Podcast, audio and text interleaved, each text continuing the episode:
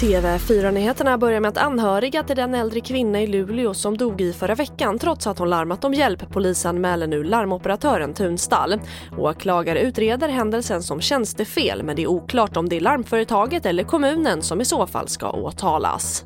Vi har ju följt händelseförloppet från Trygghetscentralen. Eh, det kan jag inte kommentera i det här läget utan det tar vi med oss i dialogen med kommunen, med IVO och även då den här polisanmälan.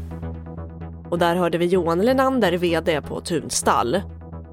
Och trots att personer som drabbats av sprängdåd vid husen där de bor kan ha rätt till brottsskadeersättning från Brottsoffermyndigheten är det hittills få som ansökt om det, det rapporterar SR.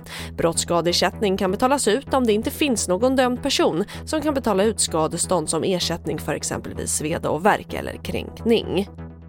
Och till Nigeria nu där säkerhetsstyrkor har skjutit ihjäl flera demonstranter i storstaden Lagos enligt Amnesty International. Det är ännu oklart hur många som dödats men enligt flera vittnen sköt soldater in i en folkmassa.